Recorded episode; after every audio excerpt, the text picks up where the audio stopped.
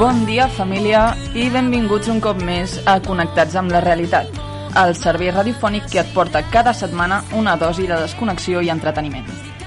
Mai sé si això el Nacho ho diu en to irònic, però està clar que per mil traves que ens posin, nosaltres no deixarem de realitzar aquest honorable programa, com acostuma a dir, que només intenta explicar cada cosa com és des de Ràdio Sambi, al 107.4 de la FM, o per als més joves, per als millennials, a la web oficial de l'emissora radiosambi.cat. Uh, avui eh, ens falten dos membres del programa, així que no tinc més remei que sortir-me de guió i presentar abans de temps el nostre company a cabina, el Biel Sant Martí. Biel, bon dia. Hola, molt bon dia, què tal? Bé, bé, tu què tal? Bueno, jo bé, ara una mica atabalat, però bé. Molta feina ara mateix. Ara multifunció, de moment. Pues anda que jo que he de fer el paper de quatre persones avui. De tres, de tres. De tres? Bueno, sí, de, de tu, del Nacho i del Jordi. Ah, bueno, també és veritat. Si vols, jo t'invito que vinguis i fas també de quatre, eh, si vols. No, no, no, no, no, no cal, no cal. Va. Doncs, si us sembla, començarem amb un breu resum de l'actualitat per no perdre el fil, el context actual del món, i comencem amb les notícies d'avui. Els joves catalans d'entre 16 i 39 anys es començaran a vacunar contra el Covid-19 al juliol. Pisca. Bien, segons ha avançat la subdirectora general de promoció de la salut, Carmen Cabezas, mm, si tot segueix com fins ara, cap a finals d'agost i principis de setembre podria arribar-se a la immunitat de grup. Mm, anava a preguntar, no sé vosaltres com ho veieu, però avui no, no tindré gaire, gaire feedback. Seguim. El comissionat d'Hamburg per a la protecció de dades i la llibertat d'informació, Johannes Kasper, ha emès un comunicat en relació a la política de privacitat de dades. Si Alemanya prohibeix la imminent actualització de WhatsApp del 15 de maig, el més probable és que ocorri d'igual manera a la resta de la Unió Europea. Cap dels dos sembla posar-se d'acord i mentrestant nosaltres demà podríem quedar incomunicats per no voler que Mark Zuckerberg ens rastregi. Mm, Biel, jo no sé si tu has acceptat ja la política de privacitat de dades de WhatsApp. No, jo no, jo la veritat és que encara no. I això que és un cartellet que m'està sortint últimament i és el que et vaig dir en el seu moment. Sempre el tanco i mai, mai me'l llegeixo. Doncs a mi no m'ha sortit. O Mai? sigui, capaç sóc de quedar-me demà sense... Sense WhatsApp. Sí, sí, a mi no m'ha sortit. Bueno, coses pitjors hi ha, realment. Sí, A mi, jo no sí. l'he acceptat, així que realment no sé si em quedaré també sense. Tirarem d'SMS. Hòstia, és veritat, ara són Sí. gratis, ara ja no valen... No? Record... No, crec que no. De veritat, són gratis? Home, i ara la majoria de tarifes t'ho donen gratis, perquè ara és un servei que no s'utilitza pràcticament. Bueno, potser perquè no ho utilitzo no m'havia enterat. Passem als esports, i és que el Barça femení de futbol ha guanyat, bueno, va quedar 0-1 l'altre dia, campions de Lliga. Uh, tot per un gol de Bruna Vilamala, que, que va costar al, al Barça el seu sisè títol de Lliga femenina, que va certificar una estona després al Llevant a empatar amb l'Espanyol. Al Barça li va costar guanyar la Palmera, però un gol de Bruna Vilamala a la primera part va emetre a l'equip blaugrana la derrota contra, bueno, contra l'altre equip, el Llevant.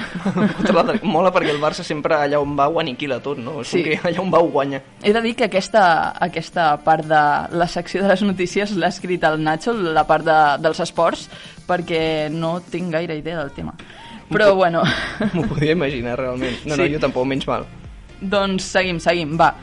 Aquesta notícia m'agrada molt i, i ara veureu per què. I és que a Catalunya torna la nit dels museus del Oh. 15 al 18 de maig, juntament amb el Dia Internacional dels Museus, o sigui, per això, és una nit, però són diversos dies, uh, i amb ells es duran a terme un total de 200 activitats repartides en 100 equipaments, dirigides a totes les edats. Oh, activitats de museu. Activitats de museu, Que bé. Sí. Has, has anat alguna vegada a la nit dels museus, tu? No, jo no. No? No, però m'encanten els museus. Vull dir, jo recordo les excursions que fèiem al col·le, que tot el que era relacionat amb museus era superdivertit, els tallers i totes les coses. Sí, doncs la nit dels museus t'agradaria. Perquè és una nit en la que tots els museus són gratis. És com noche en el museu, és meravellós. M'encanta. Bueno, realment s'ha de fer molta cua. És una nit una mica estressant, però, però si aconsegueixes entrar on vols... bueno, tota la cua de gent que vulgui visitar un museu per la nit, clar, que deu ser reduïda, És no? molta gent, eh? Sí? És moltíssima Per la gent. nit? Sí, perquè és un dia... Normalment és un dia al mes. Ah, I, i sí, va molta gent perquè és gratis. com pot ser que es fes això cada mes, un dia, i jo no me n'enterés fins ara? Doncs no ho sé, jo he anat alguna vegada. Quina sort. Sí, a mitges. Ja et dic que no vaig poder entremboliar. Bé, doncs ara, que seria quan t'hauria de presentar, Vale? anem a passar directament al debat.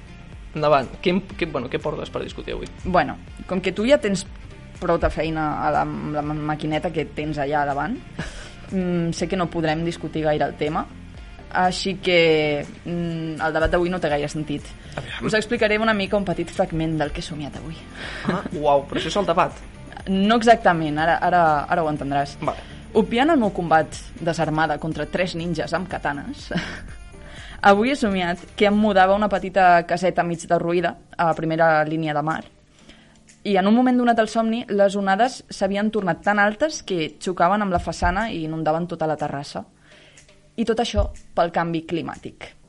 I ara, tornant al món real, sabíeu que des de l'any 2000 el nivell del mar ha patit un creixement del 21%? Uau. Pues jo la veritat és que no ho sabia i com a persona que viu a segona línia de mar em Sí. preocupa una miqueta. Vull dir, aniré, aniré comprant la, la, el bot hinchable. Sí, ja, ja toca, perquè jo crec que d'aquí 5 anys podries, podries estar com a Venècia. Jo espero que dintre de 5 anys no està vivint encara a la mateixa casa, però és possible. Bueno, ja veurem.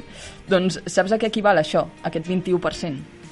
Uh, A unes 265 gigatonelades de gel perdudes a l'any. ui, A home, l'any des de l'any 2000, 21 anys. m'ho puc creure perquè és que perquè els ositos polares estiguin... Has vist la típica foto de l'osito polar en un trosset de gel, pobret, que Sí. està com superpelat i, i, i fa molta pena perquè està rodejat d'aigua i està sobre un cachito de hielo, pobret, Sí, sí, sí. i es moren ofegats els ossos, realment. Bueno, els Fan ossos molta polars peneta. i tota la resta de fauna que hi ha per allà. Bueno, sí, però els ossos pobrets són els que menys poden nedar, vull dir, més igual que un pingüí Ja. caigui a l'aigua, saps? És com, Sí, bé, sí, sí, sí. Bueno, Sí. Doncs bé, la humanitat, com bé sabeu, sempre té un pla per sobreviure, això sí. I fins i tot la NASA afirma poder evitar ara mateix l'erupció del supervolcà Yellowstone a base de tirar aigua al cràter. ui, bueno, clar, ara aigua en tenim més, clar, molt bona. Sí, sí. Ei, Però probable, probablement funcioni perquè el foc, en aquest cas la lava, es pot apagar. Però com s'apaga l'aigua, Biel? com s'apaga l'aigua? Sí, podríem evitar la part del volcà, però com apaguem l'aigua? Home, l'aigua Com no... tanquem l'aixeta del mar? No, home, aviam, jo el que... És un bon debat, però jo trobo que si tirés... Bueno, el seu seria tornar-la a congelar, no? Si tiréssim molt l'hidrogen líquid a l'aigua, potser es congelaria i tornaríem a fer Ei. gel o alguna cosa d'aquestes, no? Potser hauries de parlar amb la NASA. Sí, S'haurien no, d'implicar més amb aquestes coses. Bueno, estic aquí completament... Bueno, desaprofitat. Sí. Podria estar salvant el món. Podries. Realment sí. No, però realment trobo que... Hòstia, sí que no deu ser tan fàcil, però jo trobo que hi ha bastantes solucions per solucionar si puja el nivell de l'aigua. Vull dir, des d'això hasta enviar macro... no sé, macrocontenidors d'aigua a l'espai, jo què sé, coses d'aquestes, has vist a saber. Bueno, això ho veig una mica estrany. No, sí, això sí, aquest, aquest s'ha manat, però ja sí, m'entens. Però sí, si ha de ser la NASA, potser... És que la, potser- la NASA fa de tot. Sí. Doncs tot això ho deia, més que res, per anunciar-vos que Espanya per fi ha aprovat la llei del canvi climàtic. Ah, Per fi. i què, què tracta això? Podria dir-te de què tracta, però crec que no és convenient tenint en compte el poc temps que ens queda ara mateix. Ostres, és veritat. Tot just acabem de començar i anem a córrer cuita. Així que, si us sembla, passarem a, als titulars. Et sembla bé, Biel? Endavant. Doncs vinga, comences tu. Ara començo jo? Clar, clar, que comences tu, no? Vale, d'acord. Perdó, disculpa.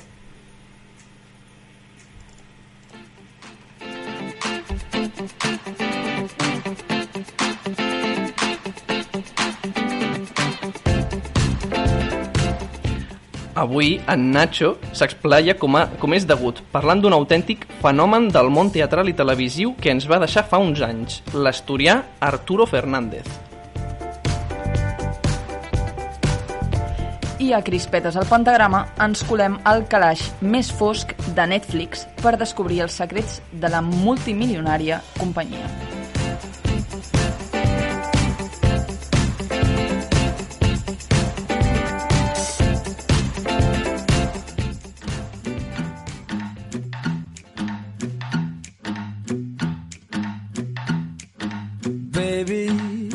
Get a little bit jealous, but how the hell can I help it when I'm thinking on? Bon dia a tots i totes i benvinguts al Sense Remeis d'avui. Sí, un Sense Remeis que pot semblar telemàtic, pot, eh, pot semblar que estigui fent-ho des de l'Antàrtida, però no. L'estic fent des de casa el dia anterior, per ser més exactes, eh, i eh, que avui, desgraciadament, com tots sabeu, no puc ser-hi amb vosaltres, que us hauran posat en, eh, en aquest cas l'Ariana i en Biel, que són qui, bueno, en teoria, que jo sàpiga, i fins on jo puc arribar a saber, estan duent a terme el programa i de ben segur que ho estan fent amb moltes eh, garanties.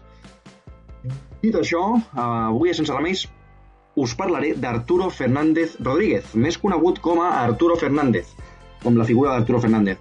Segurament sabreu qui és, eh, molts. Eh, D'altres, pues no, com tota la vida.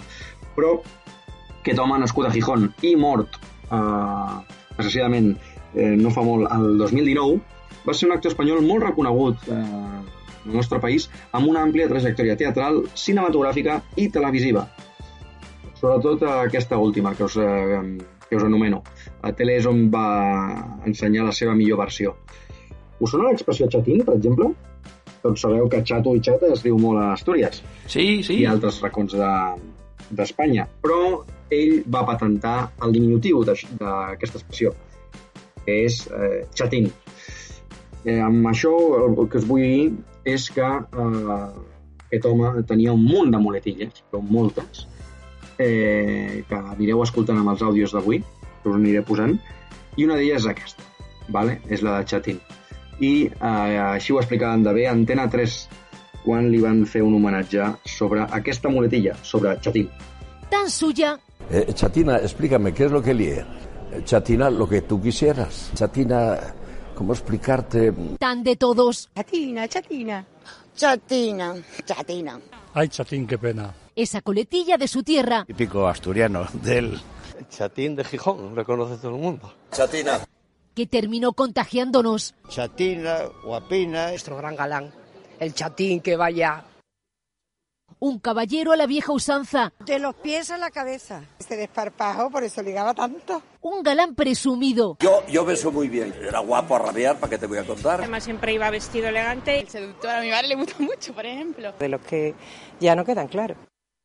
nunca supimos si era parte de su personaje, Él era así, él era su personaje. algo caricaturesco, Espera, Chatín, que te cuento.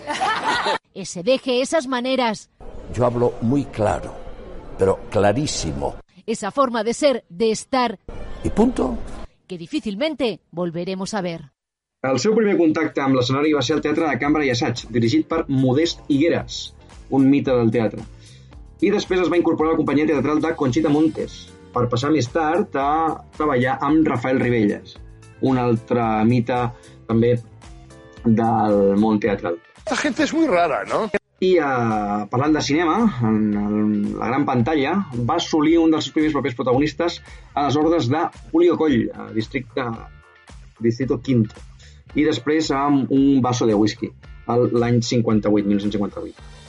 Va participar en un munt de comèdies i amb una de les seves millors interpretacions al món del cine va arribar amb la ximple del pot, una, el, simple, el simple del bote, una comèdia brutal on eh, va, li va donar la fama, eh, val a dir-ho, li va donar la fama a aquesta pel·lícula, conjuntament eh, treballant amb, amb una competició teatral d'aquell moment i també molt bona actriu, que ja hem parlat en el nostre programa en algun, algun dia, que és la Lina Morgan. Segurament ja sabeu qui és, Lina Morgan, i ja, com us dic, ja us vam parlar d'ella en alguns programes nostres. Una de les millors actrius amb un dels millors actors d'aquell moment van protagonitzar uh, hem dit en català La simple del pot o el simple, el, el simple del bote en castellà, que és l'original. Siempre es bueno beber, pero en estos casos beber un poco más. Després, eh, ell anava doncs, mm, moldant el seu personatge, no? l'anava construint, l'anava recreant, l'anava, mm, eh, podríem dir, eh, modificant i a mesura que anava passant el temps, ell es va tornar, mm, doncs, per dir-ho d'alguna manera, eh, molt més galant, eh, molt més eh, cínic i també a vegades, eh, en aquest cas, conqueridor. Bueno, conquerir a les dones eh, poc, poc, eh, poca sorbata, podríem dir. Eh, pel·lícules com La tercera palabra, La playa vacía, Homenaje, eh, us semblen superestranyes, no? O sigui, us estic deixant molt loco amb aquests títols, però són les pel·lícules de l'època. Um, després, uh, aquestes pel·lícules, per cert, entre els anys 60 i els anys 80. Uh, la, la niña de la, de l'asiento de atrás, de l'any 83, i la segunda oportunitat. Són algunes de les seves eh, aparicions en, en films. Tinc els pebrots que m'exploten ja.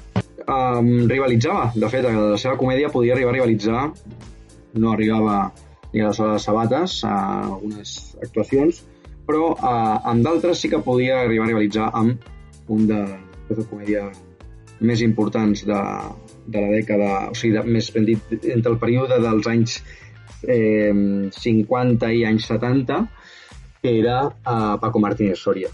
I va arribar a rivalitzar en algunes pel·lícules, per exemple. Després, eh, va disminuir la seva presència a la gran pantalla, a la, al cinema, eh, en els anys 85 cap endavant, sobretot els, a partir ja dels anys 90, vale? eh, on va treballar amb algunes pel·lis amb Francisco Raval, un altre molt bon actor i després posteriorment director de cinema espanyol, Ustedes no saben lo que es la magia de la televisión. i també va intervenir amb eh, El dia que mm, nací jo, de Pedro Olea, a l'any 91, o Tiempos mejores de Jorge Grau, a l'any 94. Eh, pel·lícules que també us recomano molt que mireu. No són les millors del món, ni molt menys, i tampoc tenen les millors ressenyes fílmiques eh, als mitjans d'avui en dia, però eh, us les recomano. Jo, Nacho Prada, us recomano que veieu aquestes pel·lis. ¿Pero qué tonterías estás diciendo? Després, eh, com a intèrpret de personalitat definida i proverbial elegància, com us deia abans amb l'adjectiu qualificatiu de galante, que era el que més demostrava la seva figura, eh, tot i que no tenia molt d'èxit, com sempre us dic, va arribar al seu millor moment en el món televisiu. Com us dic, a partir dels anys 90 es va posar a treballar a la tele. I a la tele va triomfar amb Truanes, una sèrie que seria més d'autoparòdia d'ell, d'ell mateix, a més a Telecinco, i que protagonitzava també amb Francisco Raval entre l'any 93 i el 95. I després, en l'any 96, Antena 3 també, va néixer una de les millors sèries, us ho dic de veritat, l'he vista repetida un munt de vegades, eh, si sóc així de friqui, és La Casa de los Líos. Aquí potser algú del nostre programa, jo crec que més tirant a l'Ariadna, eh, sabrà quina sèrie és. Eh, més que res perquè eh, és més de la seva època. Ariadna, no em matis, no t'estic dient eh, vieja. Més que crec que aquesta sèrie eh, hem parlat en algun moment donat en algun eh, tema que hem fet, en alguna en algun dinar que hem fet d'aqu- d'aquesta sèrie, que era la, la recanya. Doncs sèrie que, com us dic, que avui mm, aprofundirem molt i posarem molts talls, com aquest. Una de les millors escenes que jo crec que hi ha en el món de la televisió aquí a Espanya i eh, protagonitzat per, aquí, si més no, el protagonista d'avui, eh, Arturo Fernández. Anem amb eh, el tall de la Casa de los Líos amb un intent de contracte per, a, per aconseguir una finca de porcs. Creo que tiene usted una pequeña eh, finca por Valdeleches, ¿no? Valdelecha. Eso, Valdilecha, Valdileches, eh, todo termina en leche. Pues verá, Arturo Valdés y asociados tenemos mucho interés en comprarle a usted mm, esa pequeña granja. Los cerdos no, porque los cerdos usted se puede quedar con ellos. ¿Y para qué quieren mi granja?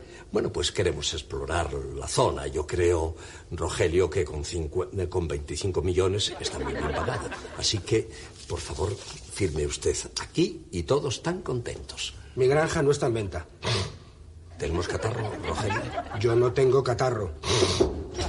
Sí, sí. Don Arturo, la correspondencia de toda la semana. Muchas gracias, muchas gracias. ¿Qué? ¿Cómo se llama? ¿Le gusta Mariluz? Estoy buscando a la madre de mis hijos.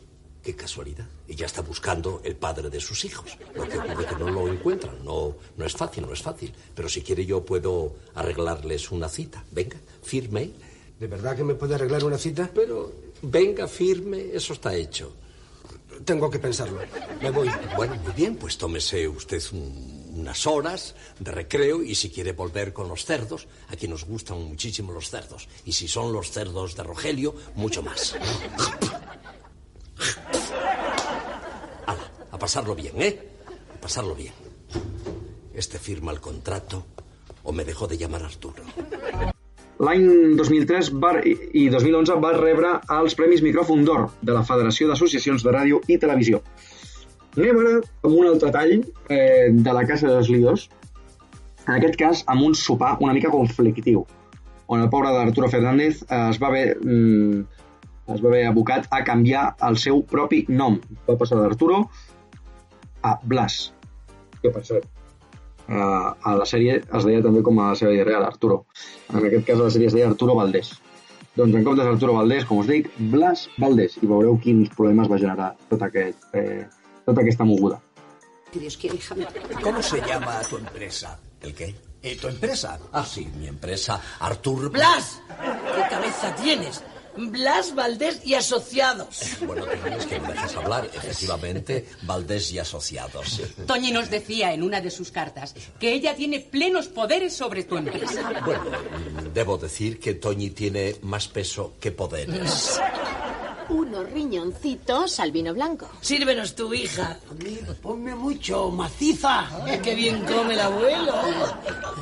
Más, más. Blas, ¿esperas a alguien? No, yo no, yo no espero a nadie, a nadie. ¿Me puedo llevar algo a casa? ¿Qué dice Gary Cooper? Ah, que, que sí, sí, lléveselo todo, lléveselo todo. Oye, Javierín, sírvete un buen plato de riñones, que no me comes nada. Venga, sírvete. Qué buena pinta tienen, ¿no? Sí, la leche. El jardinero, es el jardinero que trabaja de noche. Es nuestro jardinero. Quería decir algo. Sí. Si mi mujer sigue evitando la intimidad conmigo, me marcharé de este país para siempre. Sí, sí, pero... Chato, qué ganas tenía de verte, qué ganas tenía de verte, porque tengo un problema. El cocotero que me plantaste en el patio, pues no crece, no crece. ¿Por qué? No lo sé por qué no crece. Hay gente que crece, otras plantas que no crecen, y mira que le echo agua, pero a mí me da la sensación que tú me has plantado un cocotero enano. Cuando una mujer va al matrimonio, Sí. entrega su alma, pero también su cuerpo. Ya. Así está escrito. Ya, ya, chato, pero ya sabes que sobre las mujeres se han escrito tantas y tantas cosas. Yo te pido encarecidamente que vayas al patio, que le digas algo al cocotero, porque razón no crece, a ver si va a ser enano. Anda, vete al patio, vete al patio. La leche a mí me va a dar- me va a dar algo. Esto no es posible que me pase a mí. El 2012 va rebre el Premi de Cultura de la Comunitat de Madrid en la categoria de teatre, a més del Premi Alfonso Ucía en les categories de personatges de l'any. De mí, yo he estado pensando en lo que usted me dijo. Y sinceramente, yo le voy a decir que no quiero que me acose más. Porque me estoy creando un complejo de peonza que no puedo conmigo. Porque en esas circunstancias yo no voy con una mujer ni a recoger fajos de billetes. Pero es que no lo entiendes, Arturo. ¿El qué? Tú eres alguien muy especial para mí. Ya, ya. Esto no suele ocurrirme. Yo soy una persona muy profesional, Ya. eh, muy trabajadora, volcada en mi trabajo. Ya, ya, ya, pero... Pero en este caso ¿Qué? siento una atracción irresistible que no puedo reprimir pero- no la voy a reprimir. Pero yo di- di- digo una cosa de mí, digo una cosa, pero ¿por qué tengo que ser yo? ¿Por qué no se desfoga usted con otro? No hay otro que valga. no. El único hombre que existía para mí era Marino. Hasta que te he conocido Ya, a ti. pero digo una cosa, ¿por qué no llamamos inmediatamente a Marino? Marino está muerto. Lagarto, lagarto, me cago en la leche. ¿Y de qué murió? ¿De qué murió? Marino. De la leche, la leche. Ay, ay, ay, ay. Haga el favor de salir inmediatamente. Qué suerte tengo, qué suerte, Dios mío. Para completar mi felicidad, solo falta que mi abuela dé a luz y a mellizos. Me cago en la leche, pero como he nacido con tan mala estrella, ¿pero qué me pasa a mí? ¿Pero qué he hecho yo en esta vida? ¿Qué me pasa? Parlant de la seva vida personal, ojo, ojo quina coincidència, us ho dic de veritat, això no ho tenia previst, però és molta coincidència. Vaig estar buscant-ho per internet i, efectivament, és verídic. Sabeu on va contraure matrimoni a aquest home, el seu primer matrimoni? Artur Fernández va contraure matrimoni a l'església, ni més ni menys, a la parròquia de Sant Vicenç de Montal, a l'església que hi ha a Sant Vicenç, Uau, quina casualitat, Nacho. en l'any 78, eh, perdó, l'any 1967, va contraure matrimoni amb la catalana Maria Isabel Sensat Marquès, el 22 de març de 1967. Es van separar el 1978 i es van divorciar al 1987. A Dirbus, que també he estat investigant, i a Arturo Fernández es veu que treballava molt a Catalunya. Uh, bueno, molta, sobretot quan va treballar amb, amb, la, una productora de teatre que us he dit abans, amb Conxita Montes i amb Rafael Ribelles, uh, va fer moltes produccions a, aquí a Catalunya, aquí a casa. I, concretament, a Sant Vicenç de Montal, com us dic, es va casar. I també té uh, arrels uh, en el municipi eh, maresmenc, ja que eh, s'hi ha passat eh, uns moments de la seva vida per visitar la seva antiga finca. I des d'ençà, des del, com us deia, la, la data de 1987, des que es va divorciar amb la, amb la catalana Maria Isabel Sensat Marquès, que en Arturo doncs, no ha aconseguit, eh, no, bueno, no s'ha casat eh, una altra vegada, ja és mort. Ja, bueno, quina edat té ara? Eh, bàsicament. Doncs eh, va anar perdent el seu galant. Ell el demostrava, l'ensenyava, però per molta tranquil·litat d'infinitat de dones no va trobar una altra parella. Oh. L'Asturià. En l'àmbit polític, eh, el seu pare va simpatitzar amb els anarquistes i va ser exiliat durant el franquisme, per aquest mateix motiu de ser anarquista. Arturo Fernández es va mostrar proper al Partit Popular, com no, de dretes, havent donat suport públicament a l'exalcalde d'Oviedo, Gavino de Lorenzo. I en les primeres eleccions democràtiques del 1977, l'anomenada transició, va recolzar la, la candidatura d'Adolfo Suárez, eh, expresident espanyol, eh, perfectament haureu estudiat, Que ja esperem que encara ho sapigueu i no ho hàgiu perdut de la vostra memòria, No, tranquil. tot i que sempre hi ha excepcions, com sempre. Al novembre del 2012 van suscitar certa polèmica un dels seus comentaris eh, despectius cap a les mobilitzacions, cap a les eh, manifestacions que havien en contra de la política del govern de Mariano Rajoy. Escoltem, escoltem aquestes declaracions que us imaginareu en quina televisió les va fer públiques, no? Oh, i tant. Sí, Intereconomia. Lo que pasa es que no hay que salir a la calle. Y cuando se sale a la calle, coño, sal con gente guapa. Porque las manifestaciones, yo en mi vida he visto gente más fea, me cago en la leche. Dije, pero, pero ¿cómo es posible? Dije, pero ¿cómo es posible? A estos no los veo por la calle. Deben de tenerlos en campos de concentración, porque no lo puedo entender y que dice que salga la manada y ahí van. No, hombre, no hay. Mira, los países que viven exclusivamente, fíjate lo que os digo, del turismo, si un día les da por poner en grandes, en grandes fotografías en sus países la fotografía de cuando salen a la calle aquí y ponen con lo que te vas a encontrar, aquí no viene ni el tato. Porque sí, hay que poner gente guapa. La gente guapa siempre funciona, siempre funciona. Y no hay gente fea, excepto estos que yo no sé dónde fueron a por ellos.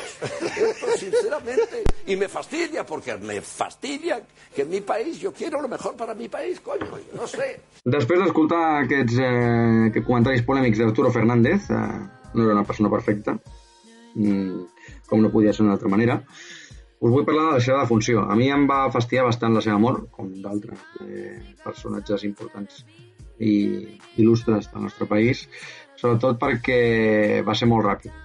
Uh, va morir amb un problema de molt delicat de salut després d'un uh, càncer i uh, després d'estar un mes uh, hospitalitzat va acabar morint el 4 de juliol de 2019. Animales. Terminan desquiciados. I fins aquí, fins aquí arriba el Sense Remeis d'avui. Esperem que us hagi agradat aquest Sense Remeis telemàtic, eh, gravat, eh, com li vulgueu dir, i eh, com ja us deia al principi del programa, M'ha encantat. no em tornaré a repetir. I sobretot, que continueu escoltant el programa, eh, perquè l'Ariadna de ben segur us deixarà les millors pinzellades, com fa habitualment, sobre cinema i sobre el món musical al Crispetes al Pentagrama. Així que us deixem amb ella i la seva meravellosa secció. Moltes gràcies, Nacho. millions of faces looking to the floor, reaching for the sky. Got another bruise, gotta learn to go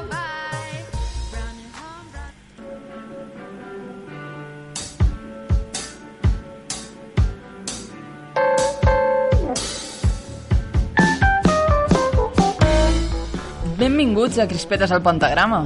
acabem de sentir la secció del Nacho que ens ha gravat telemàticament i... Que fansó, que t'ho juro. Sí. Li ha quedat bé, el cabron. Hi ha hagut algun moment en el que... Bueno, ja hem, hem, hem col·laborat el que hem pogut. Jo he intentat colar, però clar, eh, havíem de parlar entre el que ell es callava i era complicat. Sí, sí, no sabíem quan anava a callar i quan no. Uh, una cosa et diré, m'he quedat amb ganes de dir una frase que acostuma a dir ell sempre a la presentació i, i crec que aquest programa no seria el mateix si no la dic. Ah, ja sé quina dius. Sí? Bueno, quina no has dit, vaja. Mm, la dic, no? O què? Tu creus que ara és el moment de dir-la? O... Eh, bueno, ara o al final, realment. Al final? Al final igual queda una mica raro. Sí, és veritat, digue-la ja, digue La dic ja. Doncs com sempre, intentarem ser els més clars possible i anirem explicant-vos tot el que tenim amb la màxima plural- pluralitat i transparència. Nosaltres posem el llistó i vosaltres l'ajusteu amb la mesura que considereu. M'encanta. O sigui, voto perquè l'icono del nostre programa sigui un llistó de fusta. Eh, doncs no Com és mala. com a mascota. La veritat és que mai he entès aquesta frase, però em flipa. Sí. Doncs ara ja sí que anem amb la meva secció. Avui, com ja us he dit abans, porto el que m'agrada descriure com el marujeo fílmico empresarial. Pum. sigui, entenc... Bueno, el marujeo és marujeo i fílmic, bueno, fílmic ho entenc també, ara l'empresarial em, em despista una mica. Bueno. Tot ho has de dir. perquè podríem parlar de marujeo fílmic mm, o sigui, jo crec que si parléssim de marujeo fílmic estaríem parlant ja més del lío que hi ha entre actors i, i coses de, de rodatge Vale.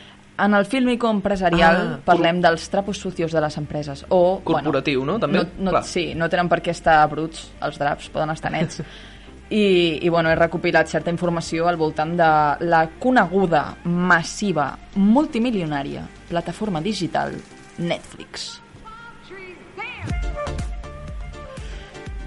Doncs bé, comencem, si vols. Sí, ha, quedat, ha quedat molt bé, la veritat. Vinga. És que m'he quedat allà parada escoltant la música. Què tens a dir de Netflix, aviam?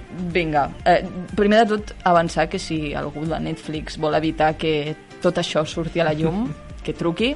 Mm, jo estaré encantada de que em contracti o em suborni. I, i abans, bueno, Abans de que deixem anar els draps bruts, no? o nets, o nets. Ah, vale, vale, vale. Els draps, a, a seques. Ah, vale, o sigui, poden ser tant coses bones com dolentes. Sí. Ah, perfecte. Tu, Biel, ets usuari habitual d'aquesta plataforma? De quina? De Netflix? Sí. Bueno, sí que és cert que jo de tant en tant, doncs mira, alguna coseta. Alguna coseta. Bueno, Sí. bastantes coses. Últimament molt més que de costum. Doncs de ben segur que no tens ni idea de totes les coses que et porto avui. Ui, segur que no, vull dir, sí, sí, sí endavant. Vinga, va, comencem. La primera de totes. Sabies que Netflix es va fundar a l'any 1997? Oh, un bon any. Sí, una, no? bona, una bona collita, eh, aquell any. Bones creacions. No ho diu per res més que, que perquè ell va néixer, va néixer aquell any. Bueno, i que Netflix, collons. Bueno, sí, Dos sí. coses importants van néixer aquell any. Cert, cert. Bueno, tres, el Jordi també. Doncs, No ens el deixem, és no ens el veritat, deixem veritat. tinter que no ha pogut venir, però no ha pogut venir per motius de pes. Una salutació al Jordi, que, que no l'hem mencionat encara. Bueno, Sí. sí. esmentat. Pobret. Doncs la companyia va, va començar com, com una empresa que es dedicava al lloguer de DVDs a través de correu postal. Era Uau. com un videoclub de correus. Que guai. Sí, el Ei. negoci realment va obrir l'any 1998 i va ser el 2000 quan van introduir un sistema de, de recomanació. Com un Amazon de DVDs. No exactament perquè les coses les havies de tornar. Bueno, sí, però vull dir, en plan distribució, no? En plan i catàleg, online, Sí, vull dir, sí. de l'estil, no? Sí, de l'estil. El que vindria a ser un Wacky o Rakuten, recordes aquestes dues? Wacky no, Rakuten sí. Bueno, és que era, són el mateix. Ah, vale. El que passa és que va canviar de nom i suposo que Damus. I, Vale. bueno, vindria a ser el mateix, el que passa és que menys pràctic, perquè a mi em sembla una mica estrany això de... Doncs t'envio el DVD i ara me'l tornes, sí. i me'l tornes a enviar. Clar, exacte, aquí I està el pagues tema. el segell. Si, exacte, si te'l vinguessin a buscar, dius, venga. Sí. Però si l'has d'enviar i t'has de molestar tu en fer les coses... Poc pràctic, poc pràctic. Doncs um, el sistema de recomanació que van crear després, a l'any 2000, es basava en qualificacions de 5 estrelles per part dels clients i mm. més endavant ho van canviar, ja cap al 2017, o sigui, més endavant, uh, per polses cap a dalt i cap a baix, com Ah, va fer YouTube. vale, polses, polses, Que no sé si recordes que YouTube va començar també amb estrellites. Sí, de fet sí. sí. Sí, sí, però és molt més senzill lo de like, dislike, no? Vull dir, és, Sí, és que és però- molt relatiu lo de les 5 estrelles, no? Perquè hòstia, no sé, jo trobo que realment no hi ha tanta diferència entre 4, 5 estrelles, 3, m'entens? És com una mica... Mm, és molt més senzill discrepar. si t'agrada o no t'agrada. Podria discrepar, però sí, sí, sí que és senzill, així. Home, vull dir, és, és més... A la gent li fa menys mandra dir si t'ha agradat o si no que no puntuar-ho de l'1 al 5. A mi se m'oblida igualment, eh, ja t'ho dic. Ah, bueno, llavors també. Va, passem a la següent. La idea li va venir al cap a Reed Hastings quan va haver de pagar una multa de 40 dòlars a Blockbuster per tornar una pel·lícula amb retard. No és mala idea. Vull Boníssim. dir, va, ser la millor solució que podia haver trobat. M'agrada la seva manera de pensar. Home, prescin- prescindir d'aquell que t'ha fet una, una putada. Sí, sí, millorar les coses tal com estan. Exacte. Que és el que, bueno, el que... Veure la deficiència, no? El que careix al mercat i, i, i aparèixer. Sí, Perquè el que fan realment- tots, el que va fer Apple, el que va fer... Bueno, Sí, tots. sí, sí, sí, sí. Passem a la quarta. Ah, no, és la tercera. Mira, tinc els números desordenats. Ui, és veritat. Ara no sé quin ha dit primer. Va, Netflix es fa el seu propi estudi de mercat. Això suposo que ja ho sabem tots. I ho fa mitjançant algoritmes que mesuren les tendències arreu del món. I en base a aquestes creen el seu contingut. Sí, bueno, clar, com a tota empresa o com Sí. a tota que té una base de dades impressionant i que s'ha de moure... Vull dir, en plan, és que clar, si has d'organitzar per recomanar... Bueno, és com YouTube, realment. Són com els, els famosos algoritmes de YouTube de si funcionava amb els likes, si funcionava amb Sí. els comentaris, si funcionava amb no sé què. Vull dir, d'alguna manera, com tot programa informàtic o sistema, ha de tenir alguna cosa que tregui comuns denominadors, no?, i per recomanar. Perquè no tindràs una persona tot el dia mirant coses de cada país i que cada, saps? Ja, I que ja, t'envien clar, de cada òbviament. país que és el més vist i llavors tu, bé, és una bogeria. És el que vindrien a ser les cookies, no? O sigui, vindria a funcionar d'una manera molt semblant. Bueno, sí, però les cookies també té molt a veure amb temes de privacitat. Vull dir, les cookies les has d'acceptar. Jo crec que aquí també has d'acceptar coses abans de crear-te una compte.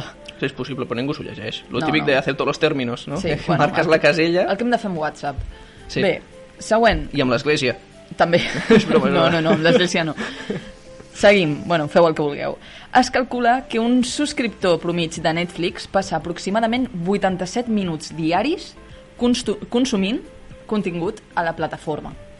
Creus que tu entres dins d'aquests 87? Els passes? Fas menys? Jo és que al dia consumeixo molts minuts. Llavors, clar, no ho sé, depèn del dia, però de mitja... Quina és, que la teva mitja? Ja, clar, és que depèn de temporada, clar, també. Vull dir, ara mateix estic en la mitja, vull dir, ara mateix la, re- la, reben, bueno, la La rebento. rebentem, la Sí, sí, rebentem. la, anava a dir la rebentem, però sí, la rebento i la rebentem, perquè Sí. és que és Sí, sí. dos capítols i ja duren més que això. Dos capítols d'alguna sèrie llarga, diguem, de 50 minuts o el que sigui. Sí, ens podem tragar tranquil·lament 4 o 5. Eh, És que és això, clar. Sí. Però va per èpoques. Vull dir, hi ha vegades que mires més de Netflix i vegades que menys. Sí. Doncs més coses que calculen són els minuts que passem escollint el seu catàleg. I ells afirmen que són dos. És a dir, 90 segons. Estàs d'acord? Perquè jo no. Ni de conya. Aviam, és que aquí està el tema. Molta gent té ja la sèrie que està veient de per si. Llavors, potser buscant sèrie i decidint quina sèrie, s'està hores. Però un cop tens aquella sèrie, cada vegada que entres a Netflix, t'estàs que a 10 segons per mirar opcions i vas directament a, la segura que t'estàs mirant. És automàtic. Si estàs mirant una sèrie és automàtic. I pot- potser això compensa tots els minuts que passes buscant pel·lícula, perquè no és el Ah, mateix. exacte, ah, exacte, Quan eso busques pel·lícula, mm, tela. Costa Bueno, bastant més trobar miro. pel·lícula que sèrie, i és Sí. curiós, perquè la sèrie fa menys mandra començar-la. Ja, però també perquè és més curtet el primer capítol. Per això fa menys mandra. Sí, sí, sí. sí, sí, sí tal qual. Sí. Sí, jo, això no sé si acabar-m'ho de creure, però és el que dèiem, mitges i hi ha gent que va molt ràpid i es menja qualsevol merda, vull dir, és que no fa falta... Vull dir, tendències a hora i és, la majoria és basura, així que Sí. no m'estranya. Vull dir, la gent no triga gaire perquè no té gaire criteri, així que, bueno, potser és cert. Estic d'acord. Ells són els que tenen les cookies. Doncs segons les seves dades, un 46% de les persones que comencen a veure una sèrie en parella s'avancen capítols abans de veure'ls junts. Que lleig. Que lleig. Super lleig. Que lle- jo això no li perdonaria mai a la meva parella. Jo tampoc. És més, jo no ho faig. és que seria... És molt raro, no? Vull dir, si ho estàs mirant junts és per comentar-ho i, i si t'has avançat, llavors què? Quan ho estigueu veient ja no et sorprendràs o, o li explicaràs alguna sense voler o... és Sí, que, a mi eh, és són que- ganes, vull dir, no pots aguantar res, vull dir, és que és un mono.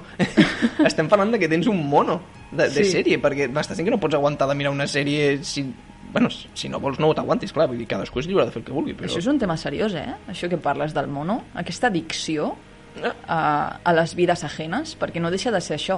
Mm, Bueno, mirar una vida que no és la teva, eh? Bueno, una vida, un escenari, sí, sí, clar. Sí, no, no, evidentment. Sí, doncs som l'excepció que confirma les regles. No?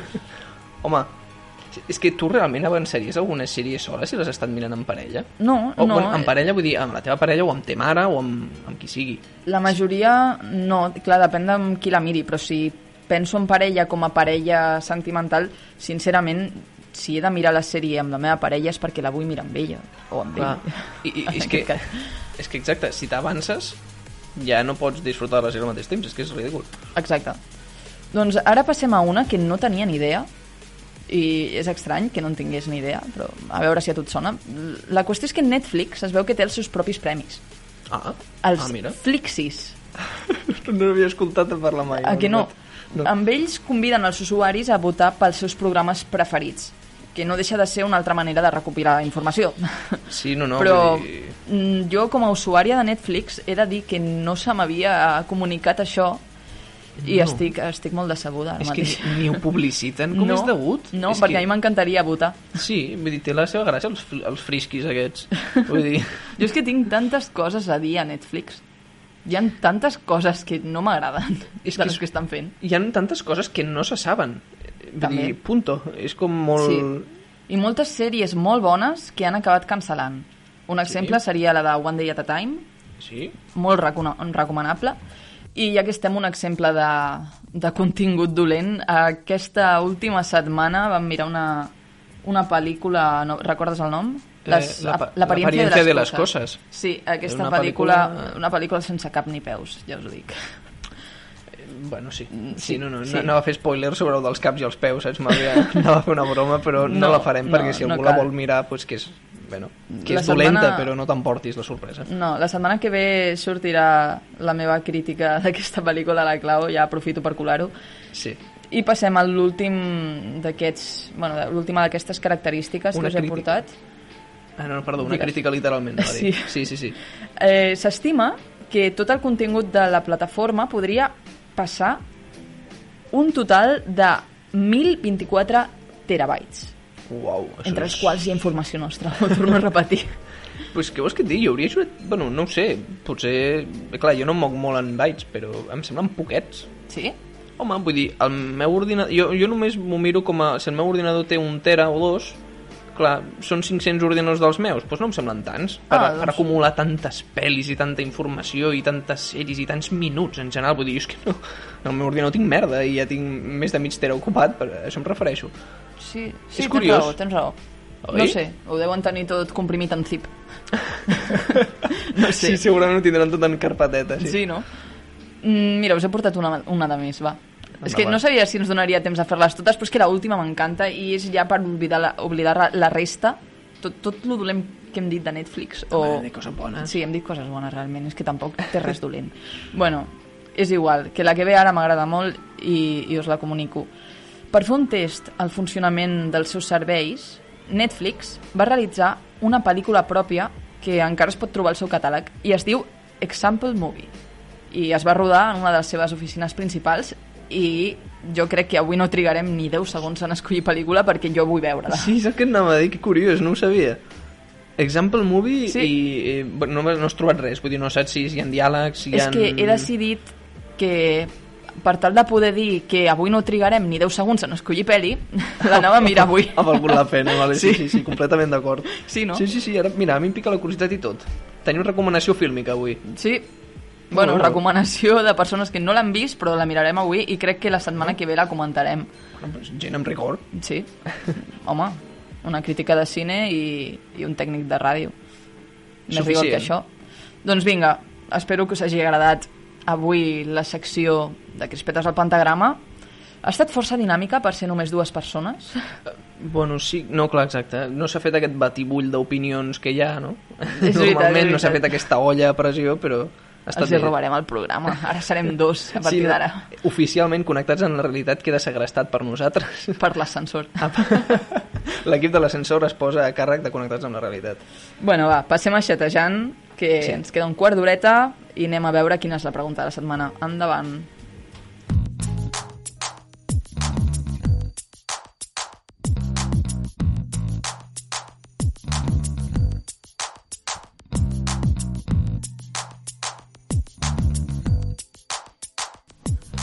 I torno a fer de Nacho. Arribem ja la, al tram final del programa i és hora de parlar de vosaltres, els que ens escolteu cada dia.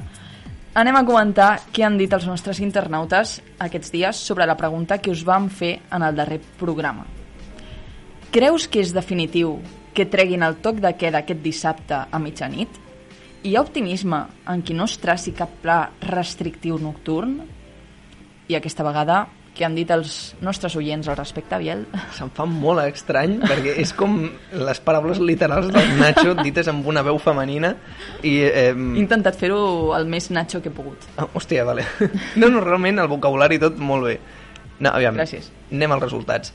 Eh, la gent està molt pessimista perquè diu que un 67% eh, bueno, perdó, un 67% diu que no, que no es fia una merda d'això del toc de queda, que no el tornin a posar, de les restriccions ni res d'això. Normal. Eh, És que de fet és normal perquè venim ja d'un any de dir ei, fins a X mes, i a X mes dir venga, que ja queda menys, dos mesos, saps? Sí, I, sí. I anar-la prolongant i llavors fotre un estiu en el que no hi ha normes, vull dir, ha sigut realment com tot super surrealista i veient ara, i veient-ho ara des de, que no ha passat ni una setmana des de que ho han tret i ja sembla un desastre, però bueno. Sí, em recorda als meus pares quan els hi deia de petita que volia un gos i anaven... anaven... posant, sí. no? Anaven... Bueno, sí, no, no.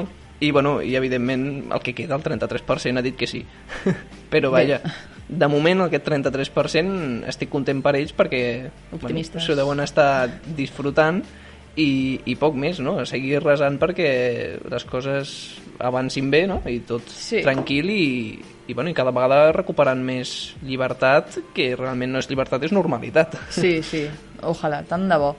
I tinc aquí apuntada una pregunteta que ens feia el Nacho, i és que l'oci nocturn, per quan? jo, la veritat és que aquest tema Sincerament, jo no m'és tinc cap... igual, no? Exacte, de moment, de moment, jo crec que hi ha coses més... Vull dir, hòstia... Més importants. Exacte, jo entenc les ganes de sortir de festa, però, aviam, jo prefereixo abans recuperar mobilitat, no? Eh, com podria ser treure tocs de queda i etc. Sí. I llavors ja hi haurà temps per la festa. Sí, sí, El temps totalment. corre, però, aviam, que, que només hem perdut un anyet de la nostra vida, eh? Que dit així Només. sembla poc. No l'hem perdut, l'hem invertit. I ara anem a anunciar la pregunta d'aquesta setmana en relació al debat que hem iniciat al, al començament del programa, dins dels vostres cervells. Biel, si plau. Aquí va la pregunta digna d'aquest programa indigne. Eh, també ho he, dit, ho he tret del Nacho, eh, també. Sí, sí, això he decidit no dir-ho perquè m'ha Ah, semblat molt feo, no? Ah, vale, molt per- despectiu, vale. de cara a nosaltres, avui que estem solets. Vale, bueno, doncs, digues, digues. Per fi una pregunta digna d'aquest programa digne també.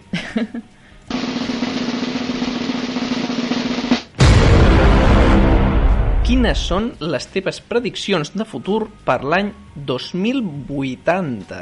I és una opció, bueno, és una pregunta opció tipus test, que tenim quatre opcionetes. La A és acabarem com l'Atlàntida, o sigui, venent patates braves. La B és acabarem com Pompeia, eh, anava a fer una broma, però bueno, tots sabem, el volcà, bueno, la ciutat que tenia el volcà, C, no acabarem mai, cosa que em, Bueno, això em és molt posa trist, optimista. Mm, Sí. i D, que deixem la resposta oberta perquè la gent creativa doncs, ens, bueno, doncs ens faci riure una mica, o que ho intenti, que no és tan fàcil. Sí. Um, M'agrada la pregunta d'aquesta setmana, qui l'haurà escrit? Bé, eh, al final del programa... Quant d'autobombo, per favor. Arribem al final del programa mm, i no canvieu d'emissora perquè ja, ja quan acabem tot això posarem una cançó que queda molt bé amb aquest tema i amb aquesta pregunta de la setmana i ara sí que sí ja hem arribat al moment d'acomiadar-nos se m'ha fet molt curt perquè realment el Nacho ens ha tret ben 20 minuts bueno, gràcies a Sí, ell sí, no hem no. estat aquí parlant durant una hora Pràcticament 20 minuts, no? Sí. I només dir-vos que moltíssimes gràcies per haver-nos seguit una vegada més. Primerament, agrair al presentador del nostre programa, que tot i no poder ser amb nosaltres, s'ha currat la seva secció i d'una manera o d'una altra ha estat present avui. Sí. Gràcies, Nacho. Agraïm també al, al Jordi que hagués estat aquí amb esperit i Biel, el meu tècnic col·laborador preferit. Moltíssimes gràcies per haver facilitat la feina des de cabina i per no deixar la meva veu sola en un programa tan complicat com el d'avui. Ho he intentat. Moltes gràcies. A tu, a tu també. Ho has fet molt bé, la veritat. Gràcies. Una responsabilitat, però Moltes molt gràcies. És el meu primer programa com a presentadora. I, com sempre, mm, us recordem que ens podeu escoltar d'altres maneres, si no podeu estar en directe amb nosaltres, ens podeu escoltar als podcasts d'Evox i Spotify de Connectats amb la Realitat. I a més, per facilitar-vos la recerca, trobareu els enllaços a la bio de la nostra pàgina d'Instagram, Connectats amb la Realitat FM. I bé, ara sí, fins la setmana vinent, on ja per fi serà l'equip complet, en teoria. En principi, no? En principi, Resem sí. perquè estiguem tots. Esperem que sí. I ara tanquem el programa i enllacem amb Earth, una cançó meravellosa del grup Easy Life sobre, bueno, sobre tot el rotllo aquest de la contaminació, el canvi climàtic, el món i tot el que hem de fer per no destruir aquest bonic planeta en el que vivim. Us esperem el proper divendres d'una a dues per connectar-nos una vegada més a la realitat d'aquest món tan injust. Adeu, adeu!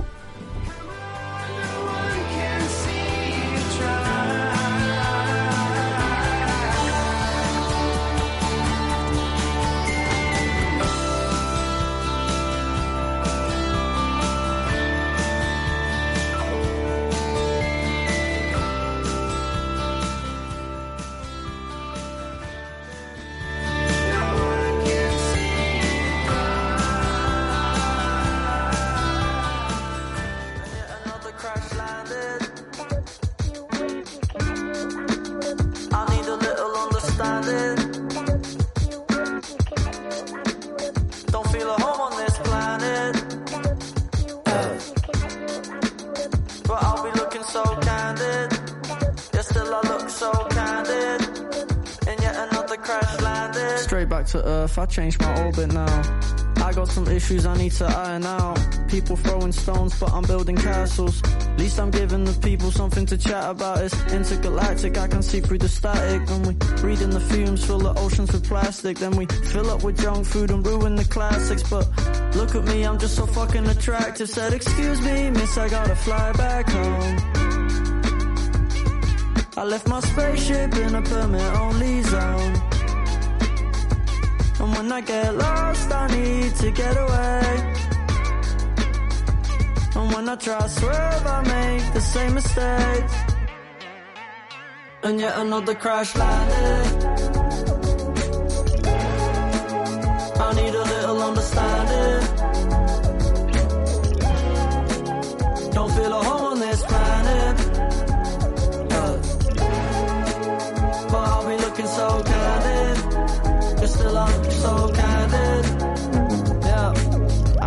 Purple from burgundy out of my headlights. Straight from the pavement, I miss my friends, I don't miss deadlines. On this occasion, I could just whisk you away. I called my station for help, but they had nothing to say. I said, Excuse me, miss, I gotta fly back home. I left my spaceship in a no parking zone. And when I get lost, I need to get away. And when I try to swerve, I make the same mistake. Then yet another crash landed.